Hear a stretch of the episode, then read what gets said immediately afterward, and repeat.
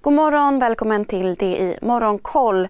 Det är mestadels nedåt i Asien. Även Stockholmsbörsen ser ut att öppna nedåt allt eftersom tilltagande inflationsoro, Rysslands krig i Ukraina och ytterligare indikatorer på att EU vill förbjuda import av rysk olja sätter press på marknaden.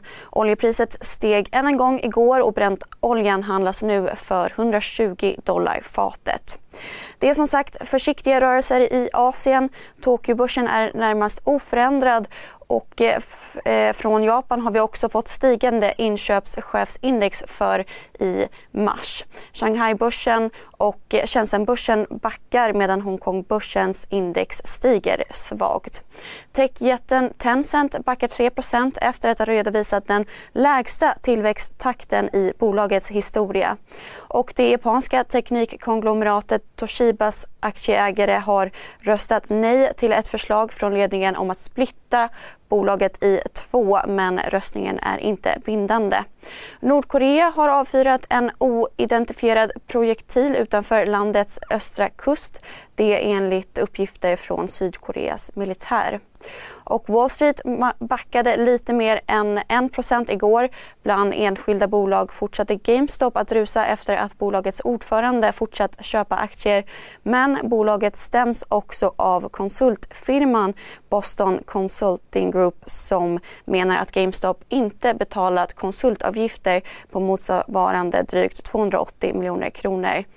Och idag så ska Moskvabörsen öppna för handel för första gången på en månad.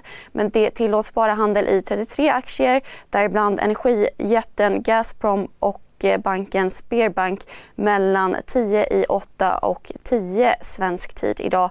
Men utländska investerare har förbjudits från att CSRD, ännu en förkortning som väcker känslor hos företagare. Men lugn, våra rådgivare här på PWC har koll på det som din verksamhet berörs av. Från hållbarhetslösningar och nya regelverk till affärsutveckling och ansvarsfulla AI-strategier. Välkommen till PWC. aktier fram till den 1 april och även blankning är förbjuden. Rysslands president Vladimir Putin har även krävt att få betalning för rysk gas i rubel varpå rubeln stärktes kraftigt mot dollarn igår. Ryssland ska utvisa ett ospecificerat antal av USAs diplomater med hänvisning till att USA tidigare utvisat ryska diplomater. Så Sverige där SBAB spår att Riksbanken kommer att höja styrräntan 0,25 procent redan vid nästa möte den 28 april till följd av den rådande inflationssituationen.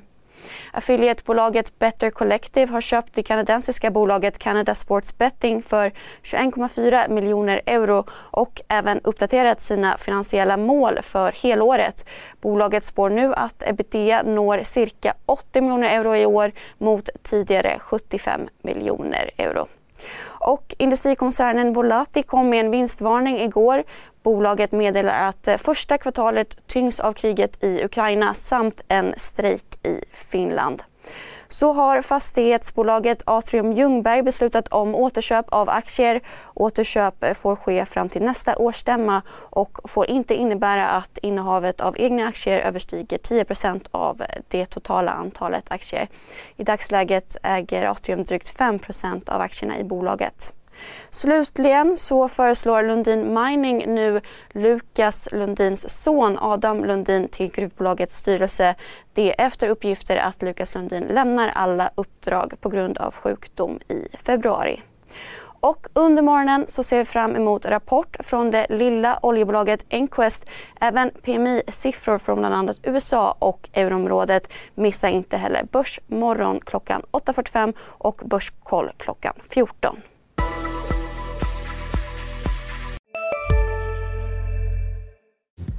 Hej, Synoptik här. Så här års är det extra viktigt att du skyddar dina ögon mot solens skadliga strålar. Därför får du just nu 50% på ett par solglasögon i din styrka när du köper glasögon hos oss på Synoptik. Boka tid och läs mer på synoptik.se. Välkommen! CSRD, ännu en förkortning som väcker känslor hos företagare. Men lugn, våra rådgivare här på PWC har koll på det som din verksamhet berörs av. Från hållbarhetslösningar och nya regelverk till affärsutveckling och ansvarsfulla AI-strategier.